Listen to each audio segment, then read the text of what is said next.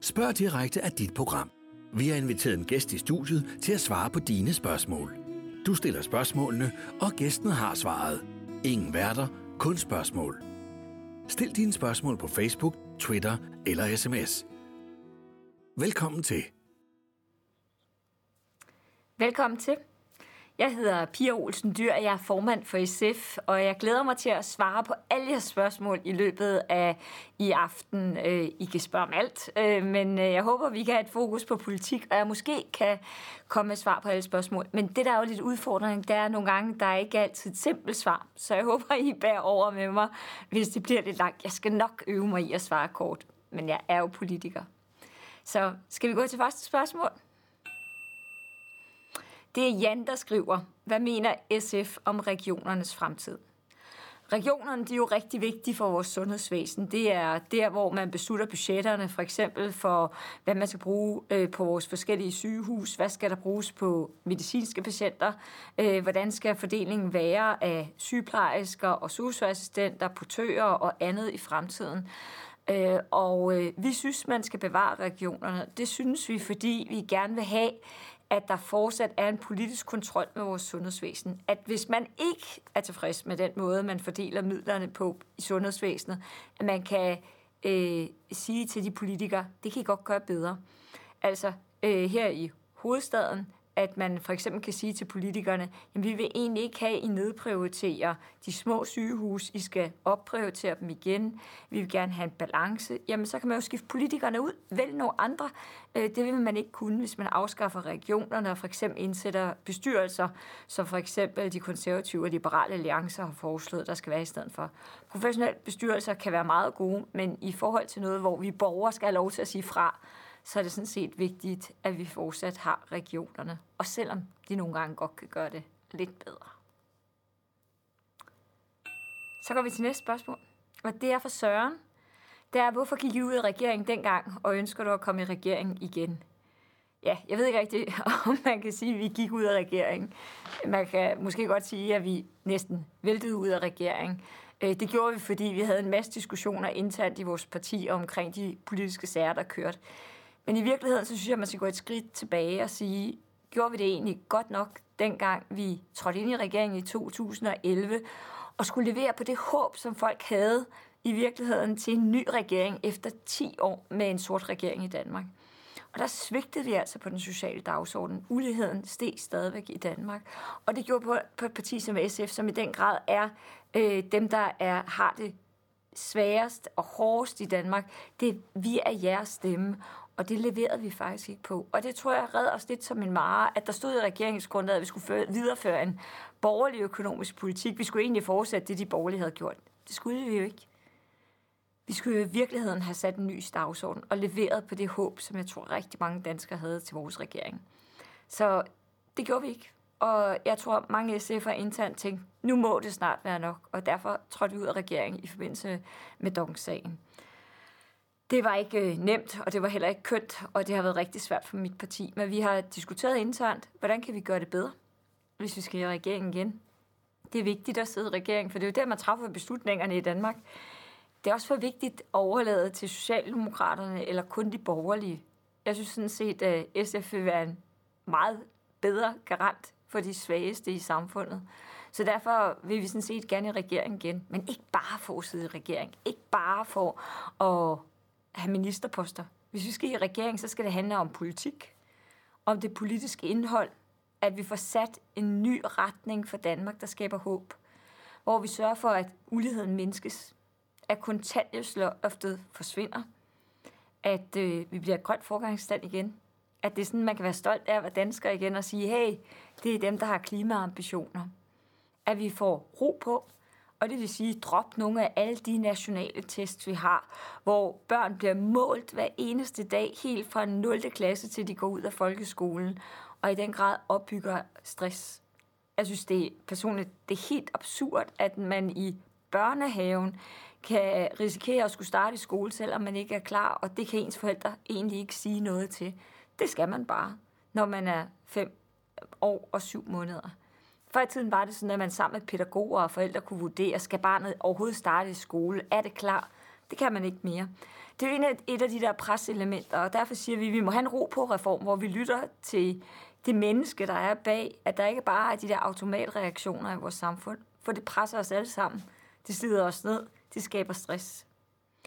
Det fjerde dagsorden, vi gerne vil have, vi vil have mere demokrati i Danmark, og så vil vi også gerne have noget internationalt udsyn. Vi er jo en del af verden, vi er jo ikke en isoleret ø. Så de der fem dagsordner, hvis vi kan mindske uligheden, sørge for, at Danmark bliver et grønt forgangsland, vi kan få en ro på reformen, at vi kan få mere demokrati og internationalt udsyn, jamen så er SF en del af en regering. Og det er sådan set det, vi vil kæmpe for. Det er ikke kun at få en ny regering, det er også at få en ny politik i Danmark. Så går vi videre til næste spørgsmål. Det er en sms. Jeg ved ikke, hvem den er fra.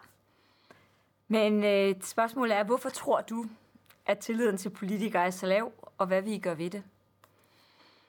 Den er i hvert fald lav. Politikere på de der troværdighedsmålinger, vi, øh, vi går under øh, ejendomsmæler og brugvognsforhandlere. Øh, og det er jo ikke fordi, det er dårligt erhverv, men øh, når man ligger dernede og er helt nede i bunden, så er det noget, man skal tage ganske alvorligt. Og jeg tror, at det skyldes, at vi ikke lytter godt nok til befolkningen. Jeg tror, vi har et ansvar i det her. Det er ikke bare sådan noget, der er opstået af medierne eller noget som helst andet. Og hvis vi ikke lytter til befolkningen, hvis befolkningen ikke føler, at de bliver repræsenteret på Christiansborg, så falder tilliden. Hvis de ikke kan genkende sig selv i de politikere, der er derinde.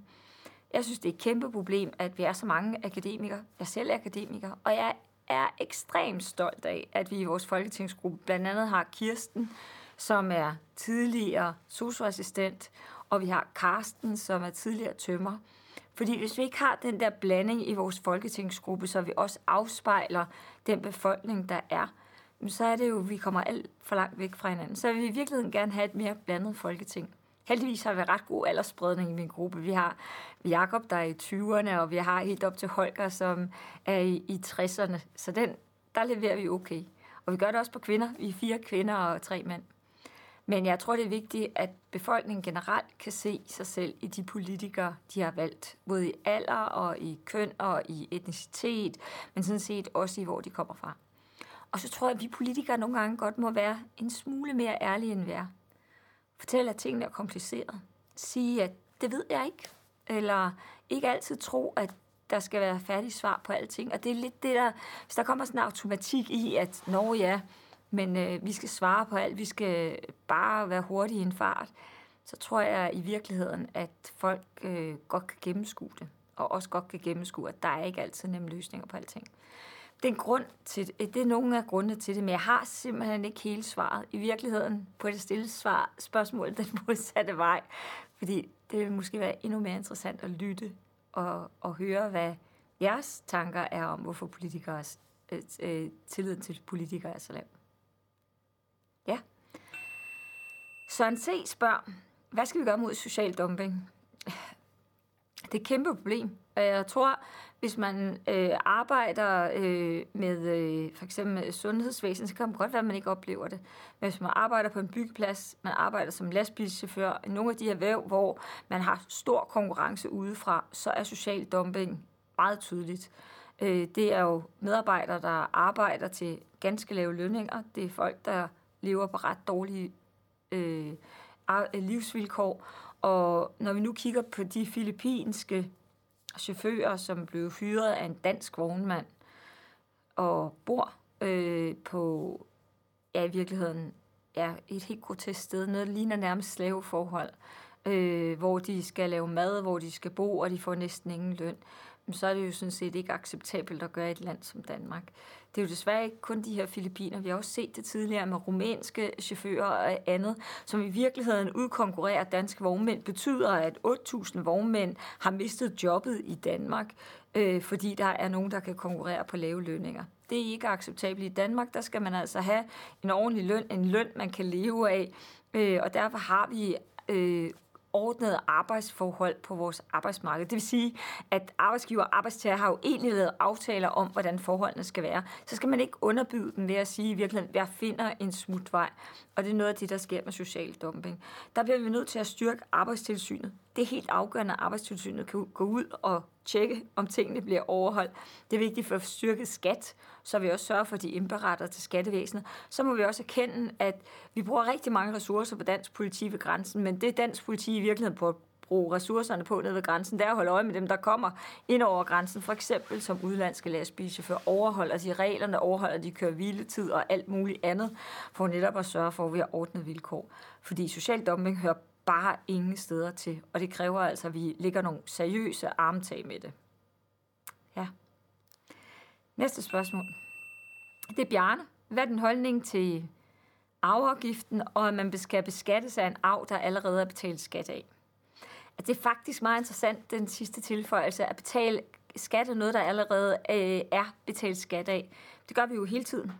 Altså, jeg betaler jo også skat, hvis jeg får en håndværker til at komme hjem til mig og lave et eller andet stykke arbejde. Så betaler jeg moms af det stykke arbejde, de laver. De skal så også betale skat af deres arbejde. Så det er sådan set meget normalt i vores samfund, hvis vi skulle afskaffe den regel generelt, jamen så skulle vi jo afskaffe moms og alt muligt andet. Det er jeg ikke interesseret i. Og når man arver, og nu snakker vi ikke om, når man arver 200.000 eller 300.000 eller en halv million. Der er, når man arver rigtig mange penge, så synes jeg også, det er rimeligt, at man bidrager til det danske samfund. Altså, at man sørger for, at man bidrager til det fællesskab, vi har, det sundhedsvæsen, vi har, det skolevæsen, de veje, vi har, de kommer ikke af sig selv. De kommer kun via skat. Og der er altså mennesker i det her land, der arver rigtig mange penge. Øh, og det kan vi se, at, øh, at formuerne de er på meget, meget få hænder. De skal altså også bidrage til vores fælles velfærd. Det er ikke kun dem, der går på arbejde hver eneste dag, som skal være dem, der betaler for vores fælles velfærd. For så bliver det skævt. Dem i toppen, der har rigtig meget, skal altså også være med til at bidrage til, til fællesskabet. Det skal ikke kun være os, øh, hovedparten, men det skal altså også være de få meget rige i Danmark. Og de bidrager altså alt for lidt, og derfor skal vi selvfølgelig også have en afgift. Ja. Så kommer der en sms. Det er, mobning kan have frygtelige konsekvenser for voksne som børn. Mobber I ikke hele tiden hinanden på Christiansborg? Øh, nej, det synes jeg faktisk ikke. Øh, jeg synes, øh, måske er rygter om Christiansborg værre end den virkelighed, jeg lever i. Jeg synes ikke, vi mobber hinanden. Jeg synes, vi diskuterer tingene. Det er jo klart, det er jo politik. Vi har politiske uenigheder. Jeg oplever ikke, der er decideret af mobning øh, som der for eksempel vil være på skoler, at man er for tyk, eller for tynd, eller for rødhåret, eller har en rød næse, eller har for flyvende ører. Den måde behandler vi ikke hinanden på på Christiansborg. Men jeg synes sådan set generelt, at på alle arbejdspladser og alle skoler, der giver det rigtig god mening at have en mobbepolitik og sørge for, at den også bliver efterlevet. Og på den måde, hvor jeg godt kan anerkende noget af præmissen for spørgsmålet, om, om vi mobber hinanden på Christiansborg, det er selvfølgelig, jeg synes godt, vi kunne diskutere på en anden måde. Altså diskutere med anerkendende med hinanden. Og lytte lidt mere til hinanden. Øh, og også nogle gange sige, at det skal jeg lige tænke over, eller det kan vi blive bedre til. Øh, og det er faktisk det, der sker, når vi sidder i forhandlingsrummet. Altså når vi indimellem lukker os inden og siger, hey, det her skal vi finde en løsning på. Nu er jeg selv klimaordfører, øh, og energiordfører, der nogle gange forhandler vi sådan nogle, for eksempel, hvor skal der være havvind i Danmark, eller hvor skal der være sol henne. Og der sidder vi jo bag lukkede dør og prøver at lytte til hinanden, og hvordan kan vi finde løsning. Og der vil jeg sige, der er dansk politik bedre end sit rygte. Der bøjer man sig mod hinanden og prøver at finde fælles løsninger. Og det er godt for demokratiet, selvom vi også godt må være uenige. Ja.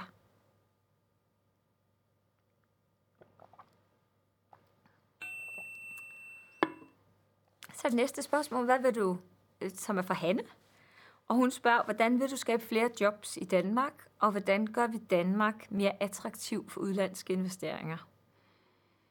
For det første er Danmark et af de mest attraktive lande i verden for udlandske investeringer.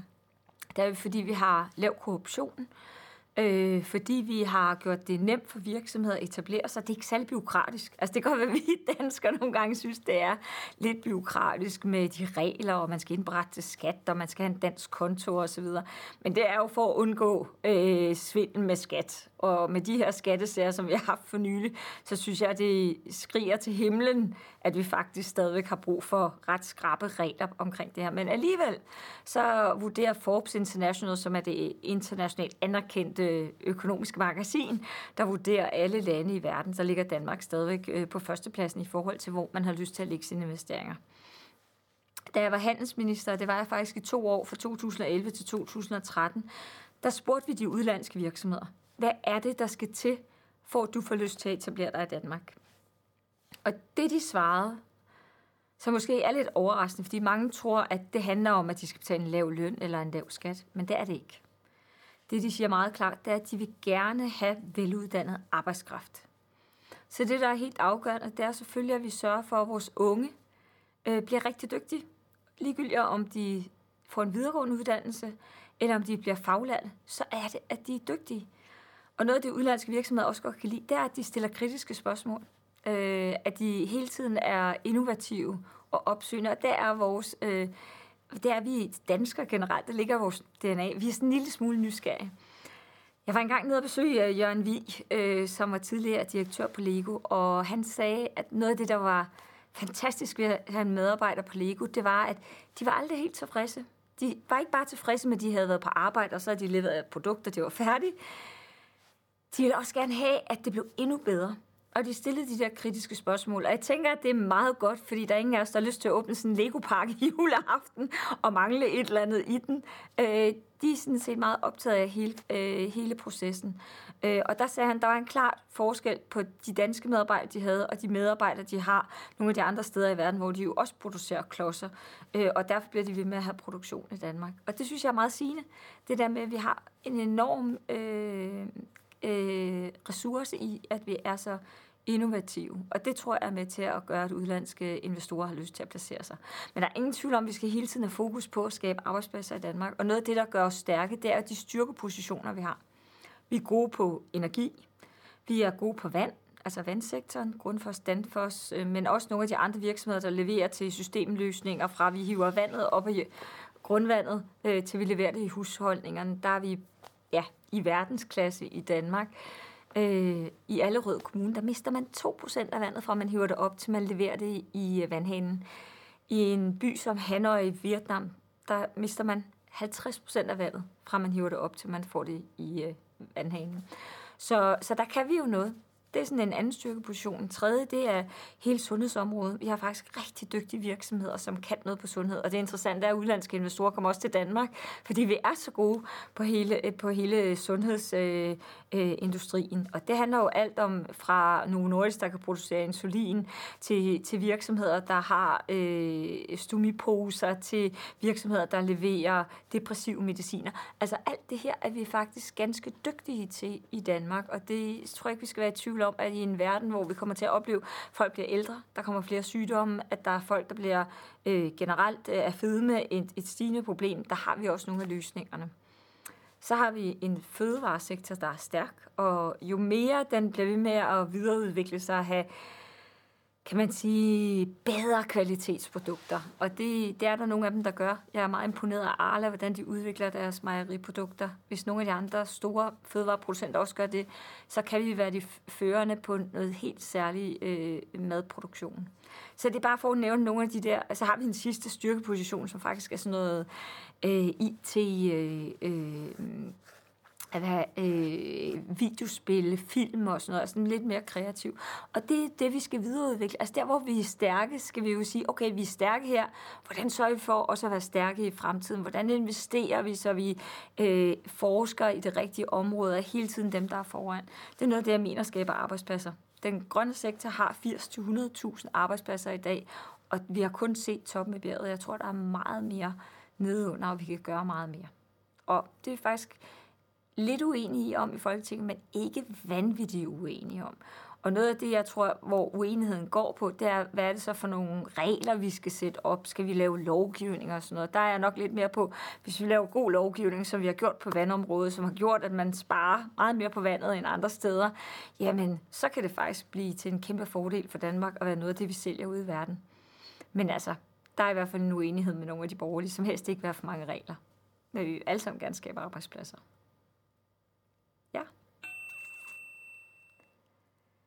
David spørger mig, går SF stadig ind for et forbud mod sexkøb? Og øh, ja, det gør vi. Vi mener ikke, at nogen skal købe nogen andre. Altså, jeg synes egentlig, øh, jeg synes egentlig, der er noget meget umoralsk ved, at man kan købe et andet menneske.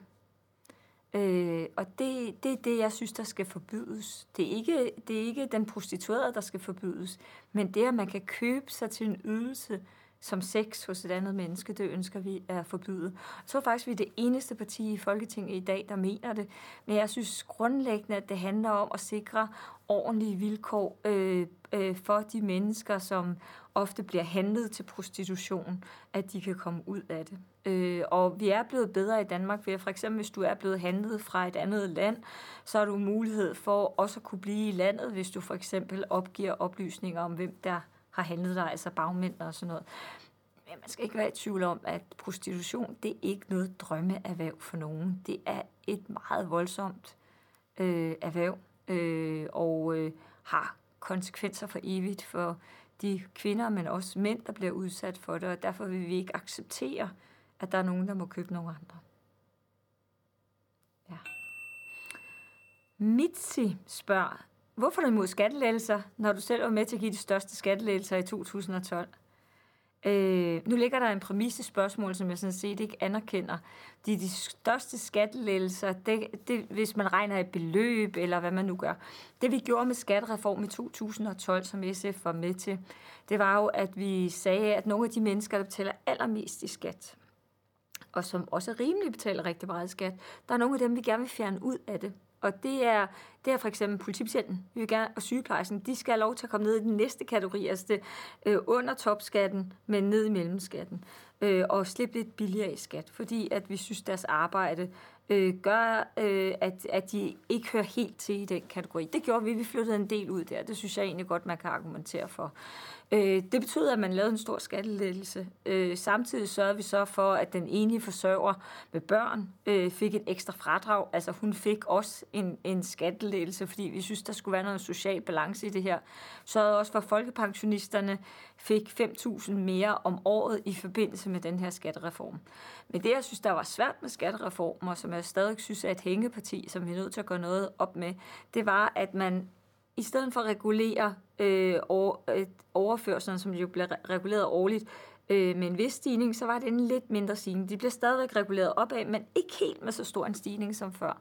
Og det betyder blandt andet, at, øh, at dagpenge og andre overførsler ikke er helt så meget værd, som de var tidligere. Det bliver vi nødt til at løse, fordi vi skal have et sikkerhedsnet i Danmark. Man skal føle, at hvis man bliver arbejdsløs, så er der altså et sikkerhedsnet, der gør, at man ikke skal gå for hus og hjem. Og det har det ikke så godt i øjeblikket, så det er vi nødt til at kigge på. Men grund til, at jeg er imod skattelettelser, det er, fordi jeg synes, hvis vi for eksempel kigger på de her bilskattelettelser, som den her regering har lavet, så har man lettet skatten på biler. Det betyder jo, at der er kommet 350.000 flere biler på vores veje.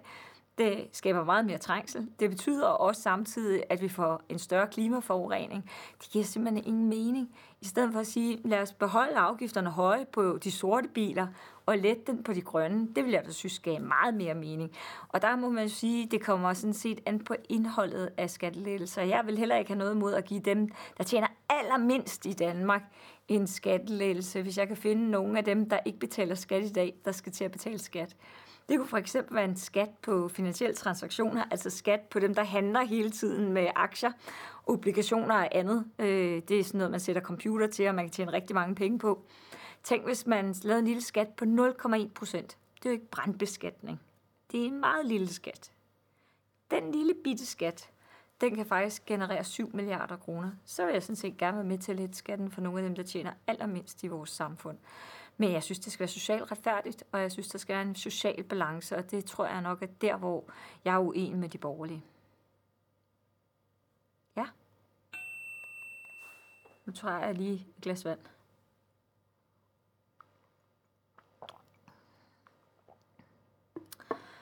Robert spørger, når, mænd bliver, nej, når kvinder bliver tre år ældre end mænd, burde de så ikke også blive tre år længere på arbejdsmarkedet? Jeg er faktisk ikke engang sikker på, at det ikke kun er... Jeg tror, det er mere end tre år, men det er lige meget. Øh, det har jeg faktisk aldrig tænkt over. Det er et meget, meget godt spørgsmål. Det ved jeg simpelthen ikke, hvad jeg skal svare på. Jeg synes jo, jeg synes jo at den, vi har nogle udfordringer med vores pensionssystem, fordi som det kommer nu, så stiger det bare år for år for år. Det har SF ikke været en del af. Vi er ikke en del af velfærdsforlidet. Og problemet er lidt, at øh, jo, jeg kan godt blive hængende til 70, fordi jeg kom ret sent på arbejdsmarkedet. Jeg skulle først være færdig med min uddannelse. Øh, og, og mens min, øh, min mor, egen mor, kom på arbejdsmarkedet, da hun var 14 år gammel, hun ville jo ikke have kunne holdt, til hun var 70 år. Og derfor skal der være noget rimelighed i det der pensionssystem. Vi er simpelthen nødt til at kunne se, hvor lang tid folk skulle være. Og en af de ting, vi er nødt til at gøre, det er blandt andet nogle af dem, der bliver nedslidte. Skal have en mulighed for at komme tidligere på pension end os andre. Fordi de skal også have muligheden for en værdig alderdom. Det skal ikke kun være, når man er så nedslidt, at man ikke kan bevæge sig mere, at man har mulighed for at trække sig tilbage. Så bliver pensionsalderen jo ikke så bliver det jo ikke den, det, det der otium, som alle går og snakker om. Og der må være noget rimelighed i det. Øh, ja, om vidt det skal gælde kvinder og mænd, det skal jeg lige tænke lidt over. Ofte er det jo også sådan, at kvinder er dem, der tager barslen, og derfor har mindre opsparet til pension. Så der er nogle flere parametre, der skal i spil. Men øh, det er et godt spørgsmål, Robert. Så har jeg fået en sms, og der står, hvad mener SF om burkaforbud og håndtryk? Altså, hvis jeg bare skal sige, hvad sådan uforbeholden tænker, så tænker jeg, hold da fest.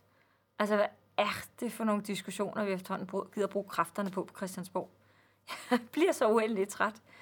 Øh, jeg synes, burkaen er en dårlig idé. Jeg synes, det er en et, øh, kvindeundertrykkende beklædning øh, som gør, at kvinden ikke, øh, kvindens krop ikke kan ses. Det er jo selvfølgelig stærkt imod, og selve tanken om, at kvinder er nødt til at dække sig til, for at mænd ikke skal forgribe sig på kvinden, øh, det synes jeg er helt grotesk. Altså, mænd må kunne finde ud af at styre sig selv. Så, så jeg forstår slet ikke det der med burkærne. Jeg synes ikke, det hører til et oplyst samfund.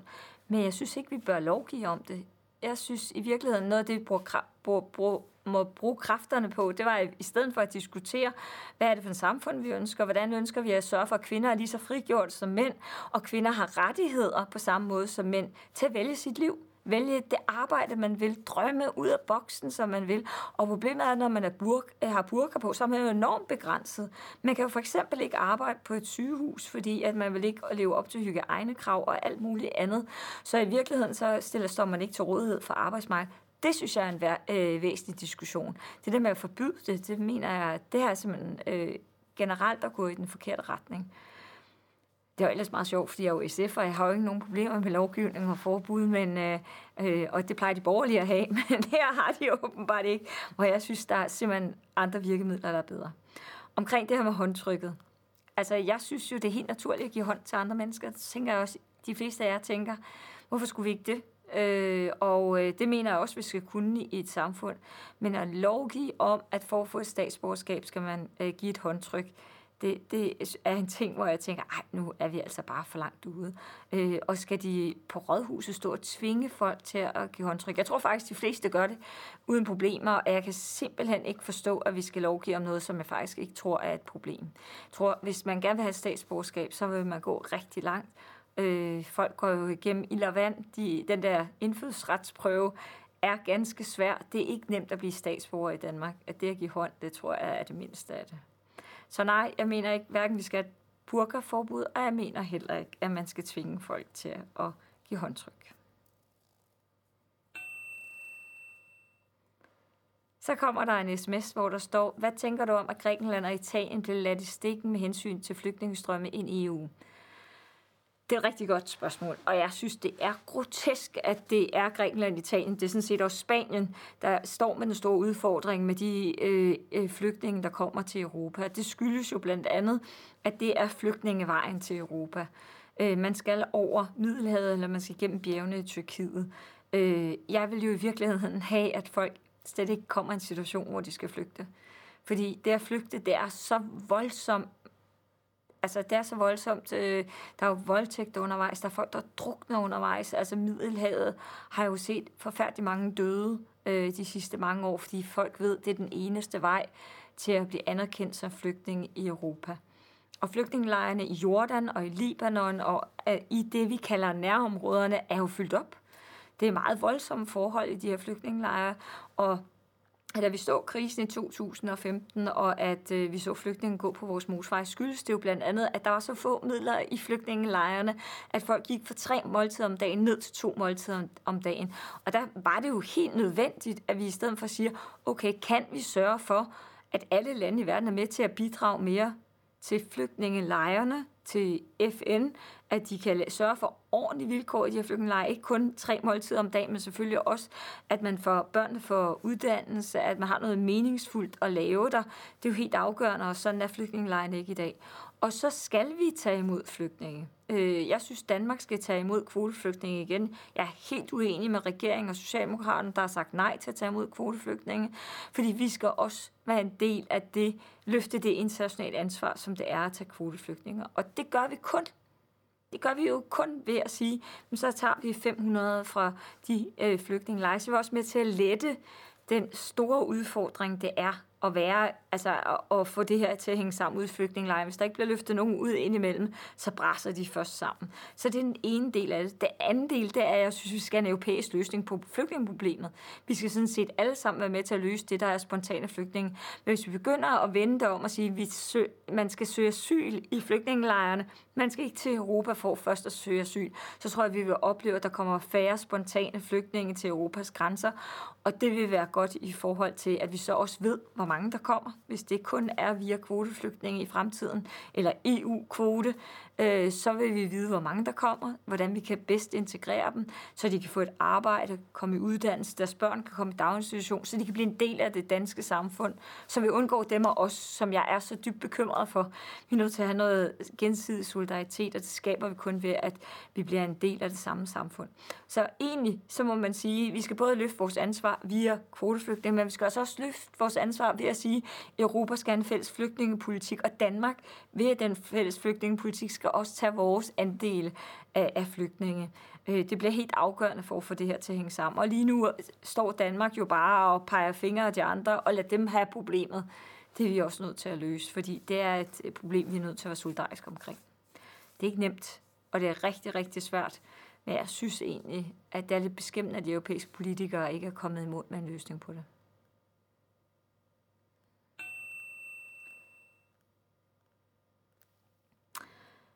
Så spørger Søren se mig, synes du det er ok, at DSB's ansatte ikke må nedlægge arbejdet? Jeg synes sådan set, at folk skal have lov til at strække. Jeg synes sådan set, at, øh, at det er jo en del af vores arbejdsmarked. Men, men det her, det er lidt mere kompliceret i forhold til øh, øh, en diskussion af, hvorvidt folk er blevet lockoutet, og hvorvidt, øh, at øh, hvis de er blevet lockoutet, så kan de jo godt nedlægge arbejde. Jeg vil sige, det er faktisk så kompliceret, så jeg ikke vil komme med et helt præcist svar, fordi det synes jeg er, er ganske umuligt. Men, øh, men sådan se, hvis du skriver til mig, så vil jeg gerne tænke lidt mere over det, og så skal jeg nok sende dig et svar.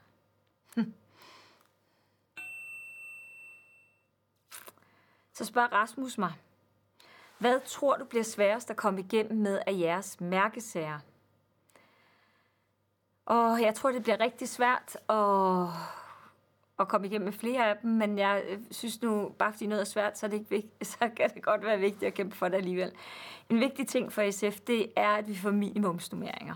Hvad betyder minimumsnummeringer øh, i vores daginstitution? Det betyder for os, at man skal have øh, være en pædagog til øh, tre børn i vuggestuen, og en pædagog til seks børn i børnehaverne. Fordi vi ved, hvis vi investerer i vores daginstitutioner i nok voksne til vores børn, jamen så er der også tid til dem. Så er der tid til, at de bliver set. Tid til, at, øh, at, at de bliver udviklet som mennesker, og det giver dem gode vilkår resten af livet. Faktisk viser undersøgelser, at børn, der har gået i gode daginstitutioner, sådan set har lettere ved at få arbejde og uddannelse senere i livet. Så det er sådan set en rigtig positiv investering tidligt i livet, der kommer godt tilbage senere hen. Øh, jeg skal ikke være i tvivl om, nogle af de forhold, vi ser ude i vores vuggestuer, er helt groteske. Øh, jeg så på et tidspunkt, at det har I sikkert også, med de her store kampagneskilte, som pædagogerne stod med, hvor der stod, jeg er alene med 12 børn lige nu.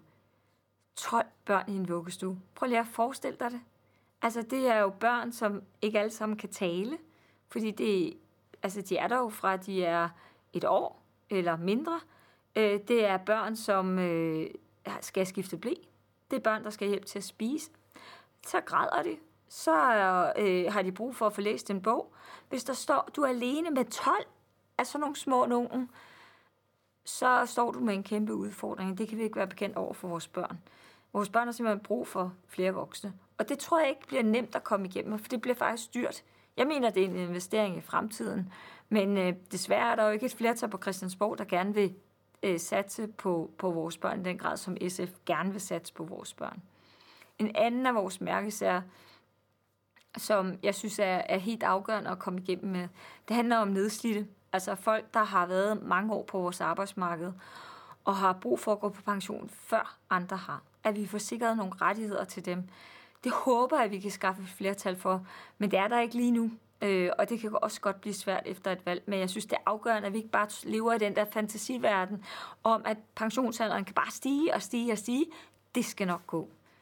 Det er jeg altså ikke så sikker på. Øh, det tror jeg, der er mange, der knækker nakken på. Øh, vi har en meget ung fyr, som faktisk hedder Rasmus, ligesom Rasmus, der har stillet spørgsmålet i, øh, i SF, som øh, er elektriker. Øh, og han kravler rundt op under spærren og sørger for, at, øh, at elkablerne bliver lagt rigtig ned. Kan han gøre det til at være 72? Nej, det kan han sådan set ikke. Og så er der nogen, der siger, jamen så må han videreuddanne sig. Han må øh, sørge for at viderekvalificere sig. Det tror jeg også, han vil gøre. Men der er ingen tvivl om, at de der fysiske hårde arbejdsbetingelser gør jo, at man ikke kan holde til når som helst i livet. Og det tror jeg er vigtigt at huske på. Vi, ikke alle sammen, vi har ikke alle sammen jobs, hvor man kan holde til når som helst. Og den her kamp for at sørge for en nedslidte pension, bedre vilkår for nogle nedslidte, den tror jeg, den bliver ikke umiddelbart så simpel. Og en tredje sag, som ligger mit eget hjerte meget nær, det er at få afskaffet kontanthjælpsloftet. Fordi hvis vi får et regeringsskifte, så har Socialdemokraterne sagt, at de vil have en ydelseskommission, de må kigge på de fælles ydelser. For mig er det altså helt afgørende, at vi får gjort op ved noget af den fattigdom, der er i Danmark. Og nu kan vi se, at 64.500 børn er ramt af kontanthjælpsloftet, og det betyder, at de lever i fattigdom. Altså, hvor man ikke kun skal tænke på, at jeg skal i skole og lære nogle ting, eller jeg skal hjem og lege. Man skal også gå og tænke på, har vores familie nok penge til resten af måneden, så jeg kan få mad? Eller medicin, hvis jeg bliver syg? Og det er altså, en ting er at leve i det og synes, det er hårdt, så børn bliver også påvirket af det. Det ligger sig jo i deres baghoved, at de tænker over det hele tiden, så de er under et ekstra pres. Og det forfølger dem resten af livet, det kan vi se i undersøgelser. Så det er ret alvorligt at få afskaffet den her fattigdom. Regeringen har jo afskaffet fattigdomsgrænsen. Det er jo meget snedigt. Så siger man, så, så har man sådan afskaffet problemet, fordi det ikke er synligt mere. Men bare fordi man gemmer det under gulvtæp, betyder det ikke, at det ikke er der. Så det synes jeg jo, at en ny regering skal gøre noget ved. Det er tre af de mærkesager, som jeg, jeg tror ikke, det bliver nemt, men jeg tror, øh, jeg tror godt, vi kan komme igennem med det, hvis vi bliver stærke nok.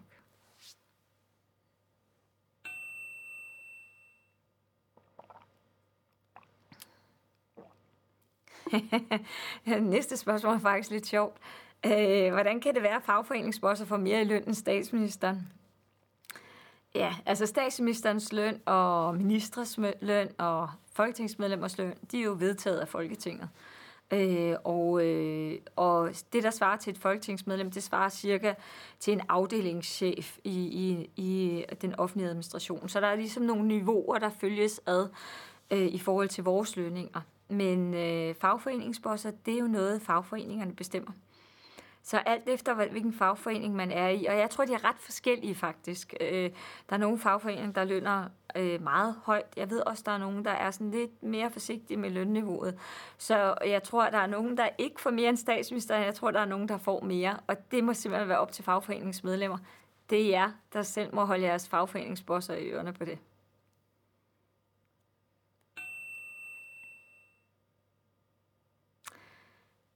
Så er det Cecilie, hun spørger, går I stadig ind for at lovgive om 40% kvinder i ledelsesgangene og bestyrelserne? Altså SF har foreslået, at vi skal have en kvote, hvor man i virkeligheden sørger for, at der kommer flere kvinder i bestyrelserne og på ledelsesgangene. Fordi vores udfordring, det er jo, at vi har rigtig mange mænd. Hvis man kigger på de største virksomheder i Danmark, så kigger på deres bestyrelser, så er 4% kvinder. Så er der nogen, der siger, at ja, det må afhænge af kompetence og dygtighed og sådan noget. Hvis kvinderne er dygtige nok, skal de nok komme i bestyrelserne. Ja, det er jo noget sludder. Fordi kvinder er jo lige så dygtige som mænd, og har bestemt også de rigtige kompetencer. Udfordringen er jo bare, at ofte i bestyrelser er det sådan, at den næste, der skal udpeges, det er dem, der sidder der nu, der skal udpege dem. Det er dem, der sidder og snakker sammen. Og man har en tendens til at finde nogen, der ligner sig selv. Så hvis der sidder ni mænd i rummet og skal finde en tiende, så er der en meget stor sandsynlighed for, at det er en mand. Ikke af ond vilje, det er simpelthen vanetænkning. Og det er den vanetænkning, vi skal have brudt op i, så vi får flere kvinder med. Øh, vi er sådan set åben over for at kigge på alle mulige redskaber i den retning. Jeg synes, noget af det, der er interessant, det er jo i Norge, at man har indført et kvotesystem, der har sagt, at en virksomhed skal have 40 procent kvinder i bestyrelserne. Fordi så har man faktisk tvunget sig selv til at sørge for, at der er kvalificerede kvinder nok, at de har fået sådan en uddannelse til at kunne sidde i en bestyrelse, vide, hvordan man kigger på regnskab, vide alle mulige ting og sager for at sidde i en bestyrelse. Og Norge har faktisk været i Danmark og hentet en hel del kvinder til nogle af de bestyrelser, der skal sidde der. Så det tyder jo på, at vi har ret kvalificerede kvinder i Danmark. Vi bruger dem bare ikke. Og så synes jeg, jeg synes, der er en sjov ting. Det er, at øh, de kvinder, eller de virksomheder, der har mange kvinder i bestyrelsen, de klarer sig økonomisk også bedre end andre virksomheder. Det kan godt tyde på, at det er en god idé at have noget mangfoldighed. At bestyrelser afspejler måske det marked eller de produkter, som skal købes af både mænd og kvinder, at øh, det også bliver afspejlet i, i virksomhedens bestyrelse. Så øh, jo, jeg synes, der skal både være kvinder og mænd. Det synes jeg også, der skal være mit eget parti. Øh, og jeg er da meget stolt af, at vi er fire kvinder og tre mænd på Christiansborg. Det synes jeg er godt øh, for den blanding, som der også er i vores samfund. Jeg synes også, det er godt i vores øverste ledelse i SF, Nej, måske er det ikke helt godt. Måske skal vi blive lidt bedre, fordi vi er mig som formand, som er kvinde, og så har vi to næstformænd, de er begge to kvinder, og så har vi en gruppeformand, som er mand. Så vi har tre fjerdedel kvinder og en fjerdedel mand. Måske skal vi blive lidt bedre til det der med mændene. Men det er jo ikke øh, symptomatisk for resten af samfundet i forhold til balancen.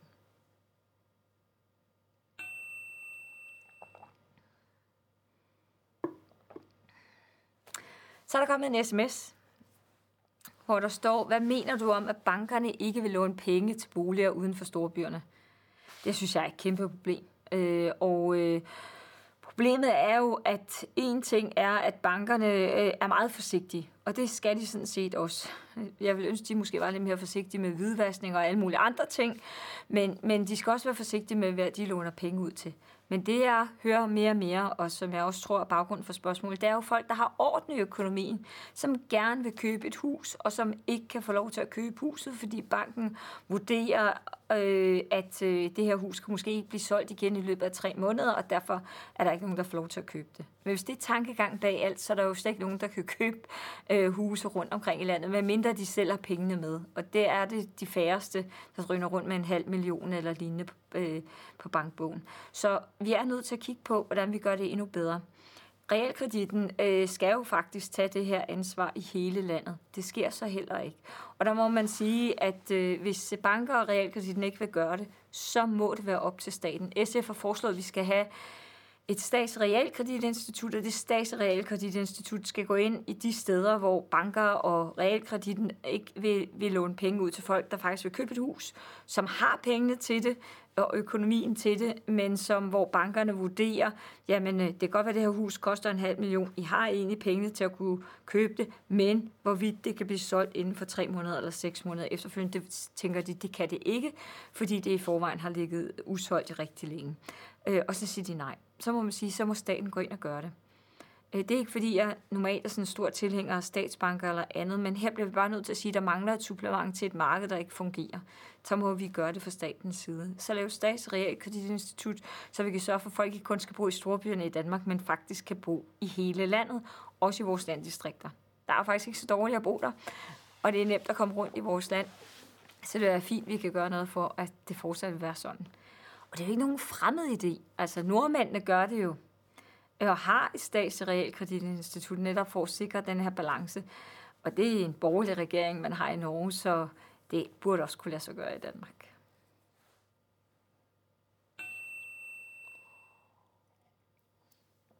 Så går vi til aller sidste spørgsmål, det er for Kasper.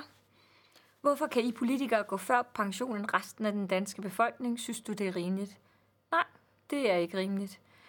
Og det er sådan set heller ikke tilfældet mere. Øh, det bliver sådan med de nye regler, der er indført, det er, at folketingsmedlemmer skal sådan set følge den pensionsudvikling, der er for resten af samfundet. For det er yderst rimeligt, at vi skal være lige så meget på arbejdsmarkedet som resten af danskerne. Jeg tænker også, det er sådan lidt... Øh, det er sådan lidt underligt med vores pensionssystem. Vi har jo prøvet at kigge på, hvordan man kan ændre det eller lave det om osv. Men, øh, men øh, det skal selvfølgelig afspejle det, alle andre danskere har mulighed for. Og man har jo mulighed for at spare op til pension i Danmark, og det bør i virkeligheden også være det samme, som øh, afspejler sig i folketingsmedlemmers øh, øh, pensionsvilkår. Det blev det sidste for nu. Tak for mange gode og fornuftige spørgsmål.